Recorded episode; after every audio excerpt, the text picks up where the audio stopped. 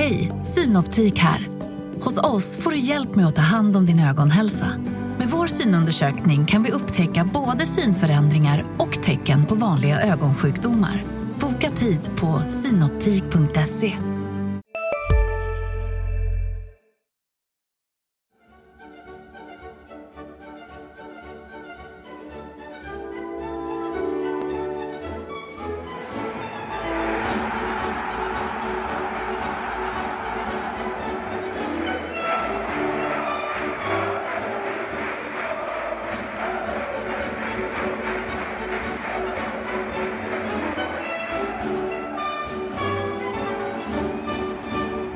Vi hälsar er hjärtligt välkomna till ett nytt poddavsnitt. Jag säger poddavsnitt för det här är ett så kallat specialavsnitt. Det har varit ett derby, det har gått några dagar sedan dess.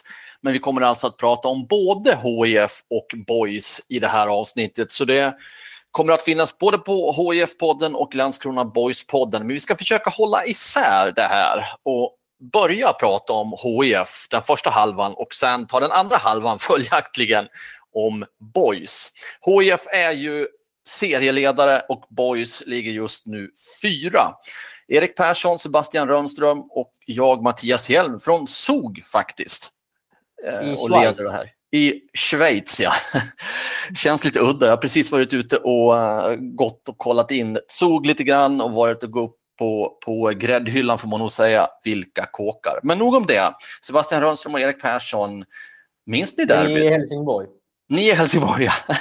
ja. Och vi minns derbyt i alla fall att Adam Kajed blev matchvinnare, derbykung och att HIF då har gått segrande ur båda derbyn och tagit maximal pott. Men vi går in och backar bandet och går in lite mer på det andra derbyt. Då. Vad minns ni? Att eh, Boys hade en väldigt bra period precis innan eh, HIFs mål. Eh, lite liknande scenario som den 9 augusti där där Boys också hade en väldigt bra period i andra halvlek och sen så gjorde HF det avgörande målet. Så att, eh, det kom lite från ingenstans eh, och sen älskar ju det här HF-laget eh, ledningar, gärna 1-0-ledningar. Eh, de är väldigt, väldigt bra defensivt. Så att, eh, Boys lyckades inte luckra upp dem. De hade inte tillräckligt mycket verktyg eh, i sin verktygslåda för att få hål på HIFs superdefensiv. Sebastian? Jag eh, delar Eriks uppfattning i stort. Eh, där var ju en liten skillnad i de här två eh, derbyna som har spelats på kort tid. Att i det första derbyt så var det ju HIF som gick ut och ja, men lite satte gasen i botten första halvtimmen och var det klart bättre laget. Nu tycker jag istället att det var Boys som inledde bäst men att HIF sen kom in mer och mer i matchen. Det här målet kom ju Eh, Adam Keds mål där i den 25 minuten följde ju på att Boys hade haft ett stort övertag i, i sett i chanserna i början. Det var väl egentligen bara Adam Kajed som hade haft en nick eh, på inlägg från Willem Löper. Eh, det var väl det som HF hade skapat fram till målet. Sen strax därefter så får de ännu ett läge när Rasmus Karjalainen skjuter från nära håll som Amor Kadura räddar. Så på så sätt skilde ju sig de här eh, derbymatcherna eh, inledningsvis åt eh, en del, men som Erik också är inne på så var ju, är ju HF väldigt starka när de får in ett ledningsmål och kan spela på, på det resultatet. Boys lyckades ju inte skapa särskilt många vassa målchanser, framförallt då i andra halvlek. Och, eh, HF, det kändes som att HF hade bra kontroll på det defensivt. Jag skulle faktiskt vilja dra det så här långt. Jag är, ju, jag är ju en man som gillar ytterligheter och spetsa till saker och ting. Men jag tänkte på det under derbyt. Jag skulle säga så här. Jag kommer få skit från båda läger, men okej. Okay.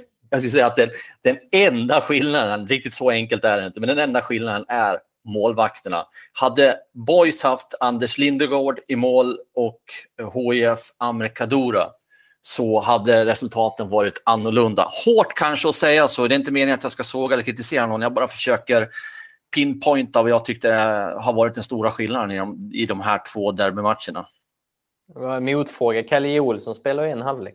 Mm, men han fick inte så mycket att göra. Däremot hade Anders Lindegård ett antal vassa räddningar. Och släpper man in sådana mål som Amerikador har gjort, då spelar det ingen roll hur bra man än är i övriga minuter i matchen. De blir uppenbarligen helt avgörande. Ja, då tycker jag väl både och om det, för samtidigt så tycker jag att Boys offensiv, ja i första halvlek skapar man ganska mycket, men i andra när den här forceringen och jakten på en kvittering förväntas komma så tycker jag att Boys var lite väl tomt. Det, det, det hände inte tillräckligt mycket och de, som Erik nämnde där, de hade inte verktygen för att, för att luckra upp HIFs eh, väldigt sta, eh, stabila och säkra försvar. Så det hade nog behövts mer i anfallsväg från Borgs sida för att verkligen kunna, kunna få till en, en kvittering och då, då faller ju det ansvaret även på, på de offensiva spelarna också. Ja, det, det, finns, jag förstår att du raljerar lite här Hjelm och att du, du inser att det finns eh, fler skillnader här mellan lagen. Vi, jo, jo, det om länge. såklart. Men, men eh, det är också eh, alltså Boys skadeläge gjorde ju att de inte hade de där jokrarna. De hade inte sina S i, i rockarmen. Eh, Viktor Ekblom avlöste Robin Hoffsö exempelvis och, och, det är ju någonstans eh, ja, men två slitstarka forwards men det är inte Anthony van den Hurk-klass om man säger så. Så man kan ju gå och jämföra eh, ehm, på många, på många ställen och på många positioner. Sen är det klart att eh, Anders Lindegård är, är, ska vara seriens bästa målvakt. Eh, Amokador har gjort en bra säsong med tanke på var han kom ifrån, var borta hela förra året på grund av en korsbandsskada. Men nu börjar det snackas om honom för han, han har gjort två tavlor i säsongens två största matcher. Eh, hade han eh, gjort de här tavlorna mot Vasalund borta hade det inte snackats lika mycket. Jag tycker han har gjort en bra säsong, men han har kostat Boys poäng i de här matcherna och olyckligt nog för honom har det varit i de mäktigaste matcherna. Jag vet inte om ni har missförstått mig. Jag säger ingenting emot det att han inte har varit bra och han var bra i övrigt också i matchen mot HIF. Men det just det att man har inte råd att släppa in sådana bollar. Jag vet att du sa det Erik i förra veckans podd att nu kommer det stora testet. Vi kommer väl in på Amerikadora under boys-delen sen. Eh, vi får se hur Kadura klarar det. Eh, och det gick ju, ja, det gick ju som det gick. Ehm, så, så, det är klart att han har gjort en väldigt bra säsong. Det är inget snack om det och att det är en bra målvakt. Men eh, just i de här matcherna så står jag fast vid att den stora skillnaden ändå var Anders Lindegård. Och det, är, det har ju varit snack om Amokador att han, han håller inte den där höga nivån och han, det är lite för mycket sprattelgubbe och han kan göra sina tv-räddningar och så blir det någon miss här och var jag, jag har ju tyckt här nu, sett i säsongen 2019 och till stora delar av den här säsongen, att han har tvättat bort många av sina skönhetsfläckar och det har blivit en annan stabilitet kring honom. Och så kommer det här eh, som någon form av brev på posten. Det är nog många som satt eh, hemma i sina tv-soffor och hacklade sig och sa liksom, vad, vad var det vi sa? Eh, vi visste att detta skulle komma. Så att, eh, ehm, ja, det finns ett litet mönster även om jag då tycker att han har tagit steg som målvakt de senaste åren och ändå tvättat bort en hel del. Men tillbaka till, Bo äh, till Boys, tillbaka till HIF och allt det de gjorde bra sen. För eh, precis som du var inne på Sebbe så hade ju inte Boys mycket och det finns ju en, en annan sida av det myntet, alltså inte mycket efter första halvlek. Och det är ju att HIF var bättre. HIF gör mycket bra. HIF har en superdefensiv. HIF har fått fram ett mittbackspar som funkar ihop efter Andreas Granqvists eh, utträde från, den, från planen som aktiv spelare. Alltså, plocka fram det HIF gör bra och som har tagit dem till serieledning nu. Ja, men framförallt eh, så tycker jag väl att, som vi har varit inne på här, defensiven sitter ju ihop. Den är ju ramstark. Det, det ska ju oerhört mycket till för att kunna eh, kunna alltså, stå upp eller liksom när man eh, hamnar i underläge mot HIF så blir det ju väldigt svårt för motståndarna att kunna göra något för HIF är så pass trygga i sina defensiva positioner. Ravitsuka, Charlie Weber är, är ett bra exempel på det. Jag tycker om man ser, eh, om man tar båda derbymatcherna så har du Kasper Widell som går in istället för en avstängd eh, Ravitsuka i, i det första derbyt och jag, jag märkte ingen skillnad för det, det funkade lika bra då. Emil Hellman går in istället för en avstängd Bödvar Bödvarsson nu i detta derbyt. Och ja, men jag, jag märkte ingen skillnad där heller, utan han hade också bra kontroll på sin kant, även om Kevin Jensen eh, i, i, första halvlek eh, skapade lite, lite problem där, så, så gör han en bra insats. Så det är ju ett resultat av att man har någonting som man litar på och vet. Och alla spelare vet sina roller.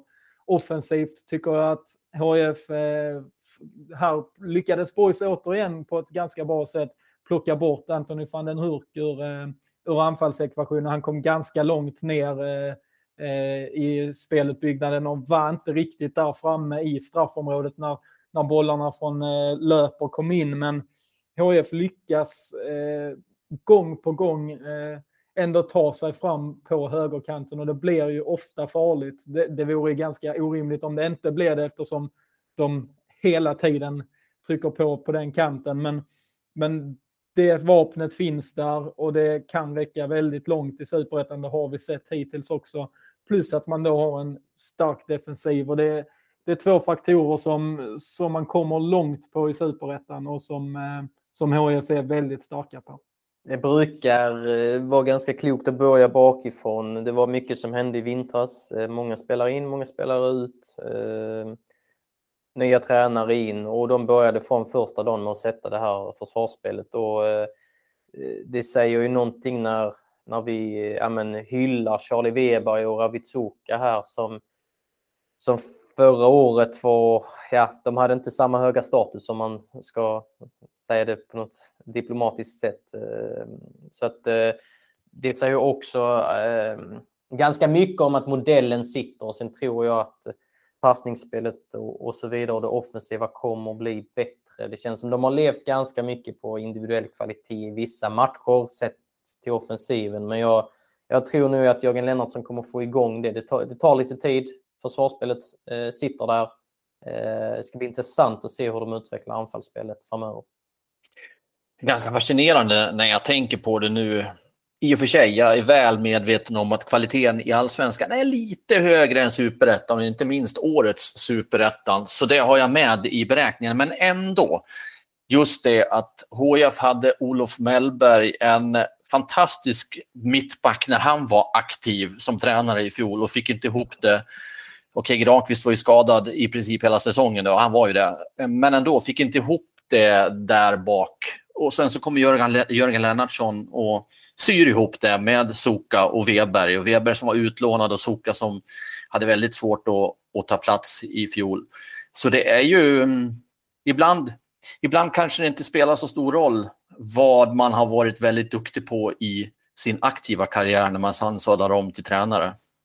Det finns ju en annan eh, tydlighet i, i Jörgen Lennartssons sätt och, och, och träna det här laget. Det var fler experiment med Mellberg. Det, det, skulle vi kunna prata om hur länge som helst också. Det får vara ett, ett eget poddavsnitt. Men eh, det har funnits en tydlighet och en, eh, men en, eh, men en logisk ram som man kan luta sig mot eh, från, från, dag ett här. Det har inte varit något eh, liksom, hokus pokus. Jag tror att alla har förstått eh, från dag ett vad som, vad som gäller och det, det bär frukt nu.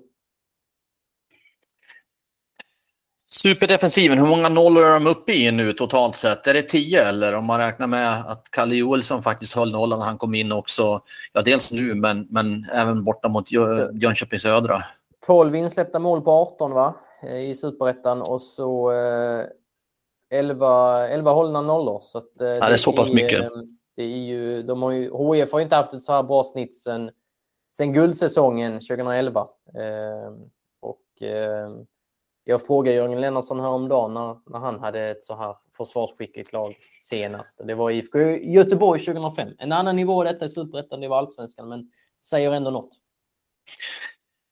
Om vi släpper det bakre ledet och går lite framåt på planen så finns det en ung derbykung i Adam Kajed som ju ser till att skjuta hem sex poäng till HIF om man kan uttrycka det så. Ja, jag tycker det finns en symbolik i att just Adam Kajed, en 19-åring från Närlunda, eh, går in och blir derbykung eh, två gånger om.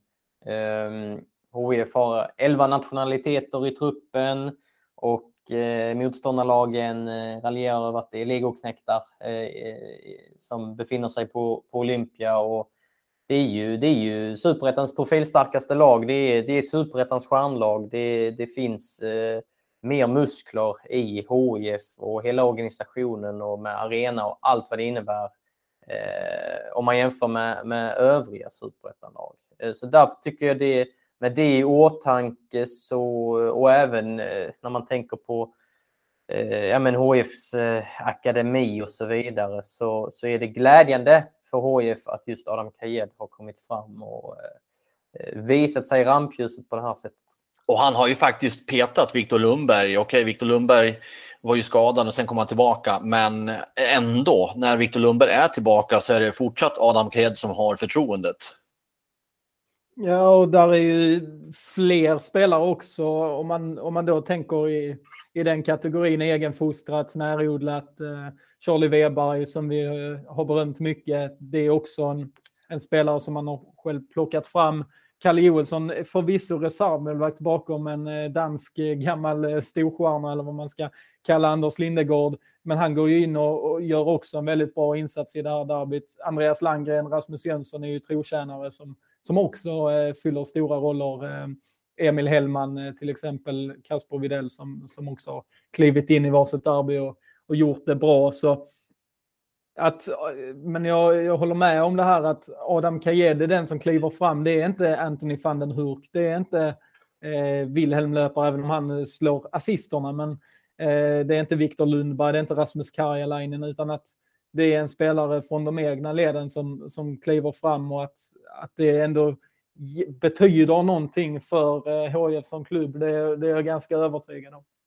Jag vill ändå rätta dig lite grann här. Jo, eh, Wilhelm löper i allra högsta grad involverad ja. utan hans inlägg och, och sen då Kaduras felstyrning när han ska styra bort bollen. Det var missriktat inlägg denna gången faktiskt. ja, men det var ändå han som låg bakom det. Ja, det har du, det har du helt rätt i. Jag vill bara lägga det till det berömda protokollet. Ja, det är bra igen. Ja. um, ja, vad skulle jag säga nu då? Nu tappade jag bort mig själv i, i det här med Adam Kajed-snacket. Men uh, du kanske mm. tänker på vad HIF gör nu. Du kanske sitter i tjog och undrar vad HIF gör nu när det är så långt till nästa match. Ja, men jag tänkte att det var någonting annat jag skulle säga innan vi glider över på den punkten eller den bollen. Eh, men vi tar väl den så får vi se om jag kommer på det så får vi backa till, till det jag skulle säga nu egentligen. Men, nej, men ja, absolut, jag undrar för nu har de ju inte match förrän den 11 september mot Eskilstuna. Precis, och då, börjar det, då blir det lite tajt igen för så har de Trelleborg hemma den 14. Eh, HIF är ju eh, vana vid det sedan tidigare att spela, spela många matcher på kort tid med tanke på att det blev väldigt rörigt när eh, Andreas Granqvist blev uttagen till EM och det var andra spelare på landslagsuppdrag och så. Eh, och nu så är ju Ravitsuka med Kongo ska VM-kvala bland annat mot Senegal, eh, mot Mané eh, exempelvis. Eh, Henriksson är med Färöarna, Håkan Erikssons eh, Färöarna precis som vanligt. Vladislav Krida är, är petad i HF men inte petad från Estlands landslag och sen är Kasper Videll med svenska P18-landslaget. Så det är några, några spelare som saknas här nu. Och eh, den här veckan, alltså veckan efter derbyt, så har de eh, kört eh, fem pass på, på tre dagar. Ehm, och så är de lediga här över helgen och sen blir nästa vecka lite mer normaliserad och mer mot, som går in mot matchen i, i Eskilstuna på lördag. Nu kommer jag för övrigt på vad det var jag skulle säga, men jag kan nog ta det nu och så kan Sebbe får svara på det med tanke på att det är uppehåll nu då för HIF. Det var ju faktiskt så att HIF hade serieledning och sen så kom ju en, en ja, man får ju ta en, en snabb men djup svacka när man förlorade i kuppen och man undrade, allt pekade ju uppåt egentligen. Ja, de kanske inte var i serieledning då förresten, men allt pekade i alla fall uppåt. De var väl i serieledning ett dygn eller något efter ja. matchen. Ja, eh, och sen så kom det här, de här ja, mindre roliga historierna då. Är man tillbaka där man var innan den djupa minisvackan eh, vad säger du där Sebastian? Är man det? Har man lämnat det där? Ja, man har lämnat det bakom sig, men är man stabilare tror du framöver och kan man hålla i det över uppehållet då? Alltså det, det, det blir intressant att se för vi, det var ju den känslan vi hade inför liksom när HIF gick in mot Eskil, gick in eh, mot Vasalund eh, som var nästa superettan-match där. Eh, då, då hade man ju känslan av att nu, nu är HIF eh, igång, nu, nu trummar de eh, på för fullt här och, och det går spikrakt uppåt. Sen kom det här bakslaget, men, ja, men mitt eh, sammanfattande intryck av den senaste tiden, eh, om man ser över en och en halv månad kanske, två månader, så, så är ju HIF Ja, men då, de har, eh, har ju växlat upp om man jämför med hur det såg ut fram till EM-uppehållet. Efter EM-uppehållet så har ju HIF radat upp många segrar och man är väl obesegrade i, jag vet inte, men om det är de fyra, sen, fem senaste matcherna är det väl. Hej, Ulf Kristersson här. På många sätt är det en mörk tid vi lever i. Men nu tar vi ett stort steg för att göra Sverige till en tryggare och säkrare plats. Sverige är nu medlem i Nato. En för alla, alla för en. Vi är specialister på det vi gör, precis som du. Därför försäkrar vi på Swedea bara småföretag, som ditt.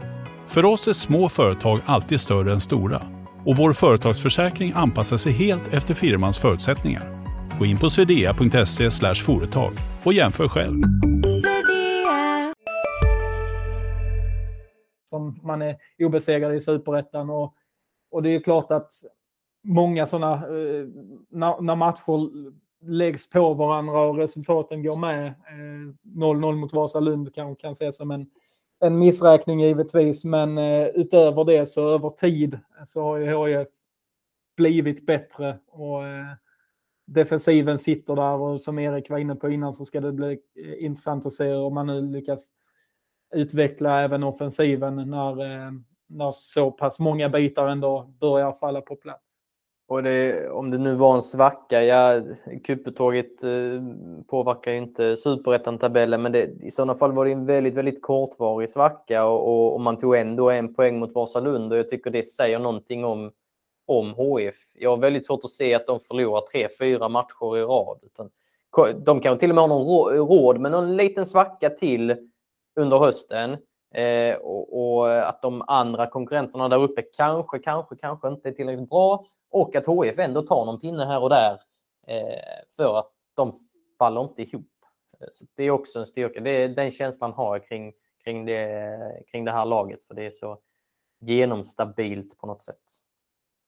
Tror ni att Jörgen Lennartsson kan se någon personlig eh, revansch i det här att ta upp HIF till till allsvenskan igen med tanke på att han haft tufft i de senaste tränaruppdragen han har haft. Ja, det är klart att det, det, han vill ta upp HIF i allsvenskan, det är ju inga konstigheter där. Men kan det finnas en extra morot för honom att lyckas med det också?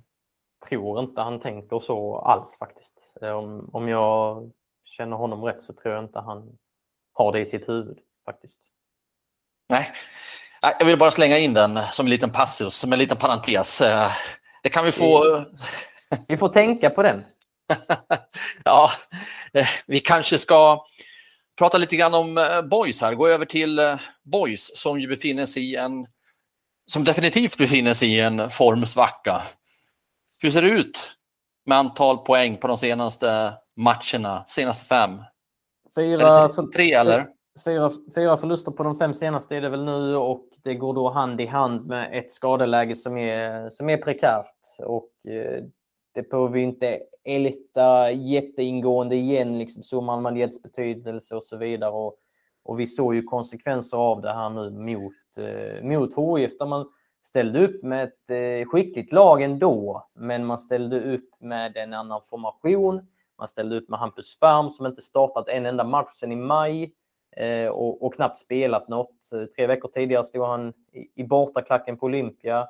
Eh, Johan Rapp har varit 19 man ett gäng gånger i år eh, och han, han kom in här och gjorde det väldigt bra. Så att, eh, det var ju ett, eh, ett eh, ja, de, de, får ju liksom eh, bredden i truppen får bekänna färg. Jag tycker någonstans att det, det är starkt att ja, men Johan Rapp och Hampus Farm kan gå in och ändå göra... Johan Rapp gjorde det riktigt bra, Hampus Farm var godkänd.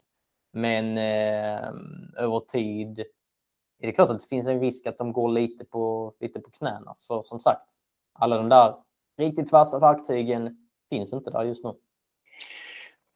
Nu får jag gå in och göra en eh, slags eh, bekännelse här. Jag tänker på vår kollega Marian Svab som noga påtalade innan uppehållet att han ville avvakta till efter de här sex matcherna som kom efter, direkt efter uppehållet innan han sa för mycket om Boy. Sen kom de här skadorna du pratade om, men nu kan vi konstatera att det var nog vettigt att göra som Marian Svab, att invänta det och inte springa i förväg som jag gjorde. Att det här uh, Boys kommer att vara kvar i toppen forever ungefär. Så att det är väl det första jag vill säga. Sen, sen det andra vill jag tycka till om en sak här faktiskt. Och uh, för mig är det så här nu. Och jag, jag, ni vet ju att jag är någon slags Johan Rapp-lover här. Va? Men, Denna alltså, hyllningen har vi väntat på. Ja, nej, men alltså jag, när jag har sett honom spela här nu igen så, så slår jag av det att förmodligen behövs han i det här laget mer än någonsin tidigare. Jag ska förklara varför. För att när Somar Almadjad, nu kommer nästa sak, nu ska jag rätta lite grann Erik, det här vet inte du om. Jag pratade med Somar och skulle han själv säga sitt efternamn så säger han Almadjad. Så jag kommer börja göra det. Du får göra som du vill. Han brydde sig inte, men så är det i alla fall.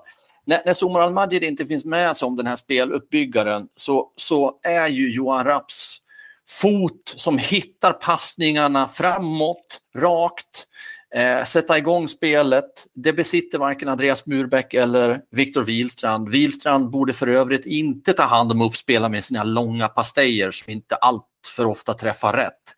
Han är bra på mycket annat, men just det kanske eh, tror jag skulle Boys främjas av att spela, låta Johan Rapp spela och ta hand om de uppspelen.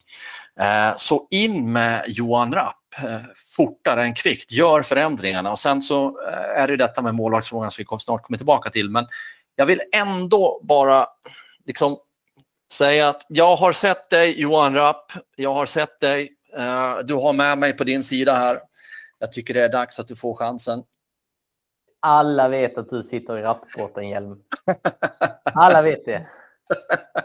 Det är en jätteintressant eh, spelare och jag, blir imponerad av honom i derbyt också. Då har jag ändå sett honom göra ännu bättre matcher. Eh, men det var kul att han fick visa upp sig i, i, i något av en stormatch. Eh, och det är ju extrem konkurrens i, i mittlåset. Filip Andersson har inte spelat en sekund sedan Västerås borta väl. Eh, det, det säger ju något. Eh, sen eh, tycker jag ju Wilstrand och Murbeck har gjort väldigt mycket nytta också i år. Så det, det, mm, jag tycker det ska bli intressant att se om Rapp kanske kan komma in på en högerbacksposition om man, eh, om man eh, går tillbaka till 4-3-3. Sen blir det ju, då, då, ska han ju ligga mycket bredare och där eh, ja, mister man ju hans eh, Nej, det är för I uppspelen kanske om man, om man fortsätter enligt exakt samma modell eh, enligt 4-3-3 där. Men eh, jag gillar ju också Raps fot. Jag hade också velat få in den någonstans. Ja, men alltså, du, nu måste du komma igen här, Erik. Nu måste du se sanningen i vitögat. Nu är det ändå fyra matcher, fyra förluster på de fem senaste matcherna. Det är dags att göra förändringar. Det är inte så att att eh, Wihlstrand... de har väl inte så mycket att laborera med, de har ju knappt någon Ja, och nu kan, man, nu kan man plocka bort någon av Murbeck och, eller um, Wihlstrand och få in, vänta, få in vänta, Rapp. Vänta nu. Sa du precis att man ska kunna ta bort, framförallt Murbeck fastnar vi här nu. Murbeck? för mig spelar det för mig spelar ingen, för mig spelar ingen roll vem av Murbeck och Wihlstrand man tar bort, men Rapp ska in. Sen får man göra vad man vill. Jag känner hur det bubblar inom mig här nu. ja. Ja, ja. Nej, alltså det, måste har... göras, det måste göras plats för, för Johan Rapp. Men jag tänker det... Du, du pratar om förändringar, Hjelm, men nu, nu blir det ju förändringar på många sätt i och med den, den nu i derbyt när man bytte formation och körde den här trebackslinjen.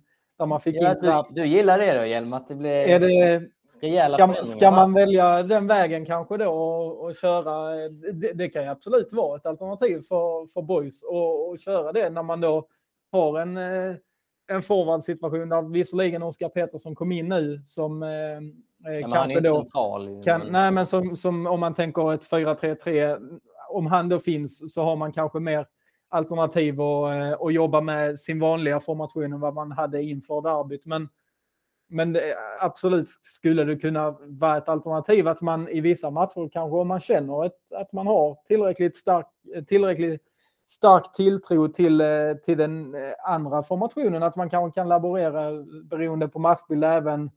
För det har ju Boys gjort väldigt framgångsrikt där man eh, bytt eh, fram och tillbaka på vissa positioner mellan två olika spelare. Men kanske kan man hitta någonting i den här formationen eh, man testar i derbyt som, som kan slå väl ut i andra matcher. Eh, nu tycker jag inte det gjorde det i just derbyt. Jag tycker det fanns goda tendenser ändå med det här systemet. Eh, det blev ju inget genidrag eftersom de förlorade matchen så och, och tappade lite i andra halvlek kanske. Där, där HIF gjorde bra som vi varit inne på, men man anpassade ju sig till ja, men dels eh, vilket lag man skulle möta och vilka spelare man hade eh, till befogande och, och ehm, eller säger man förfogande? Ja, ni fattar vad jag menar. Eh, och att man, eh, Hampus Färm hamnar i en roll där han trivs istället för eh, eh Ja, och så fick man in Raps eh, uppspelsfot såklart. Så att det är intressant med spelsystemet ändå. Ehm, mycket möjligt att man kanske laborerar mellan de här under hösten. För man följer ändå samma ramar, man följer ändå liksom samma modell. Så det var ju inte, det var inte bara så att slå en lång boll på, på forwards och, och eh, hoppas att det blir bra, utan det fanns ju fortfarande boys-tanken som vi har sett i två och ett halvt år. Ja, alltså jag köper det helt och hållet. Fortsätta med Murbeck, Wilstrand och, och Rapp där nere till höger om ja, de två. Då. Eh, och då är det ju värt att fortsätta med systemet. Dessutom tror jag att de kommer att kunna få ut mer av systemet när de inte möter just HIF. Däremot är jag också förvånad över att man inte under hela matchen lyckades, jag menar, de har ju pratat om det garanterat, att de ändå inte lyckades stänga ner eh, HIFs högerkant på ett bättre sätt än man gjorde. Alltså det någonstans kändes som att de, de brast i, i, i förberedelserna. Alltså, där borde man ha kunnat stängt mycket, mycket mer än vad man gjorde. Ja, på pappret så det ju eh, tänkte man väl att ja, men man kanske kan dubbla på löp om inte Catch och Wihlstrand, men man fick ju inte ut så mycket av vänsterkanten, varken eh, defensivt eller offensivt. Så där fanns det ju eh, absolut ut, utvecklingsområde. Då fungerade högerkanten mycket bättre i båda riktningar, eh, tyckte jag. Eh, intressant också hur man gör där med just högerbacksplatsen. Nu är Jonathan Asp skadad. Jag vet inte om han missar Brage-matchen också. Dennis Olofsson är, är kall. Hampus Farm har varit väldigt kall. Eh, det är lite därför också jag nämner Johan Rapp. Eh, att han, att han bör kunna vara aktuell i en annan roll också om man kör en fyrbackslinje. För att, eh, där har man, man har många högerbackar men inte särskilt många heta högerbackar. Mm, alltså jag, jag gillade ju också när Hampus Färm kom in där lite högre upp än vad han gjort tidigare.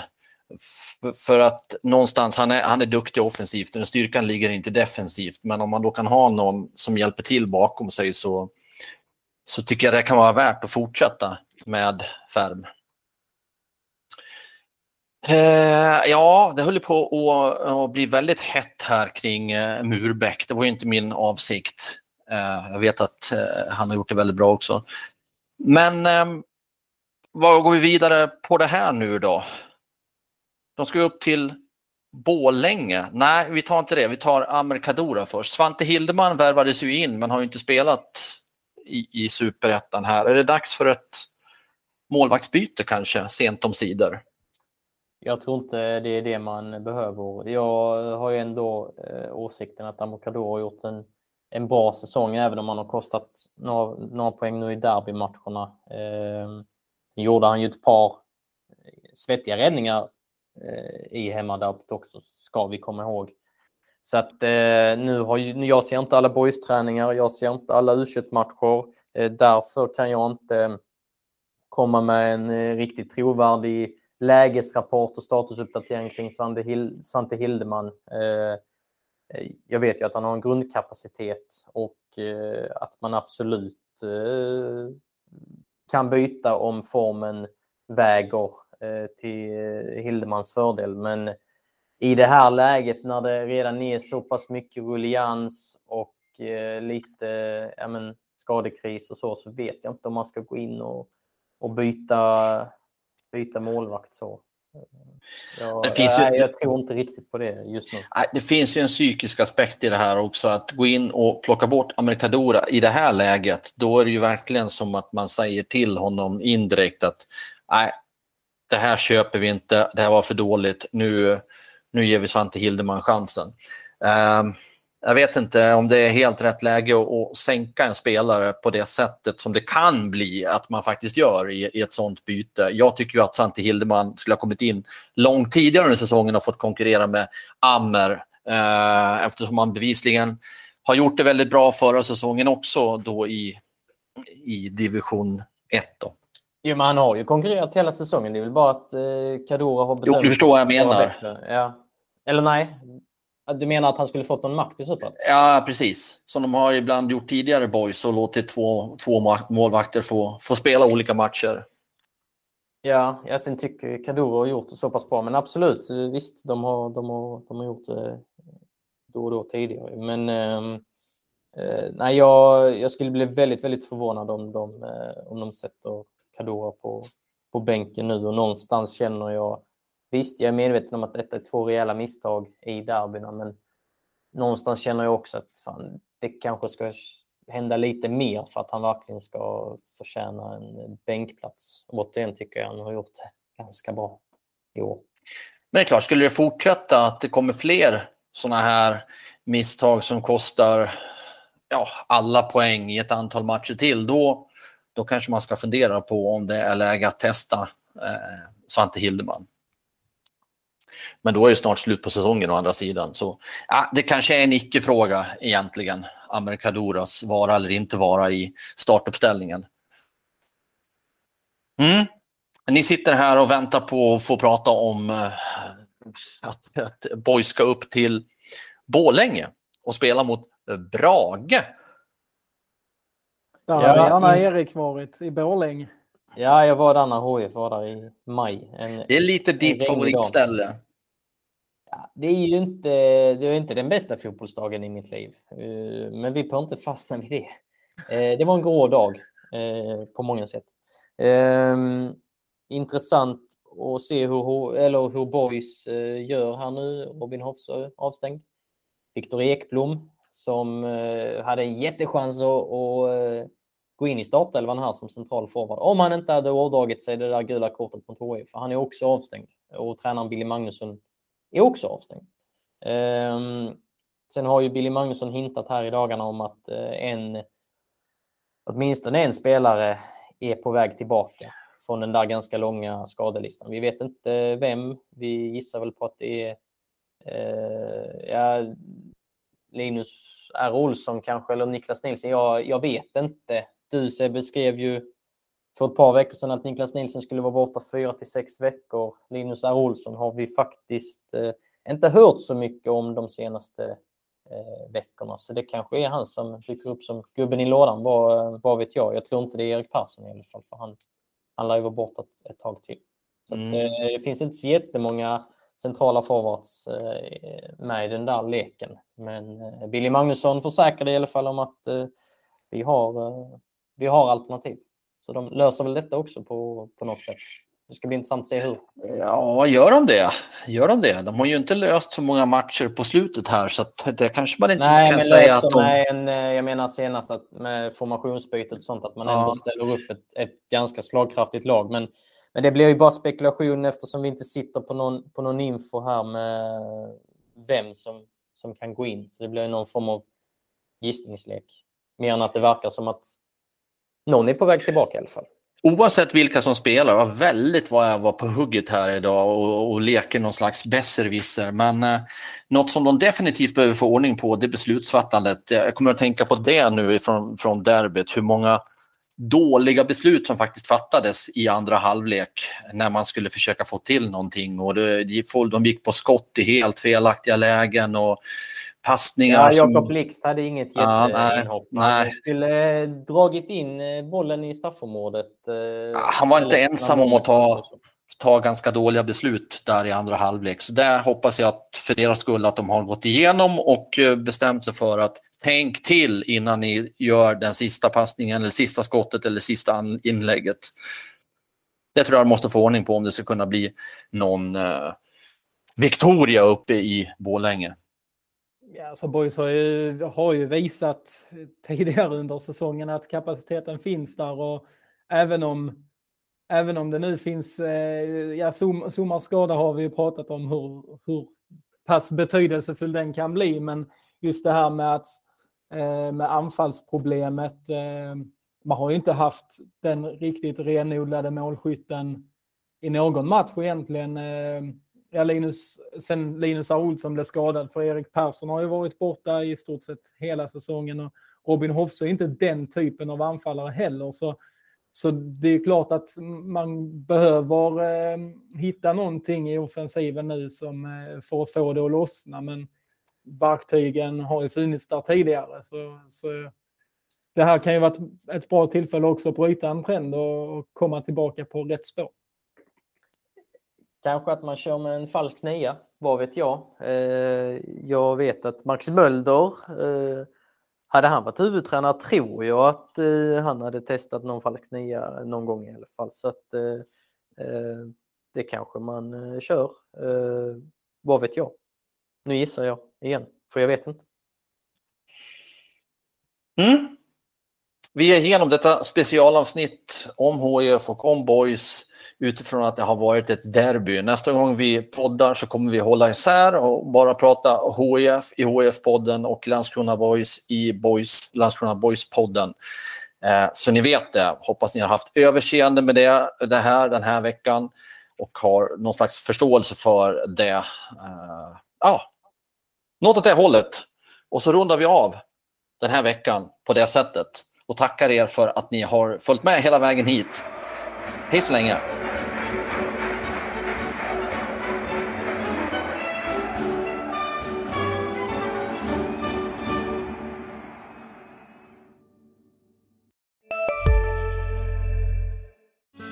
Hej, Susanne Axel här. När du gör som jag och listar dig på en av Krys vårdcentraler får du en fast läkarkontakt som kan din sjukdomshistoria. Du får träffa erfarna specialister, tillgång till lättakuten och så kan du chatta med vårdpersonalen. Så gör ditt viktigaste val idag, lista dig hos Kry. Ska några små tassar flytta in hos dig? Hos Trygg Hansa får din valp eller kattunge 25% rabatt på försäkringen första året. Läs mer och teckna djurförsäkringen på trygghansa.se. Trygg Hansa, trygghet för livet.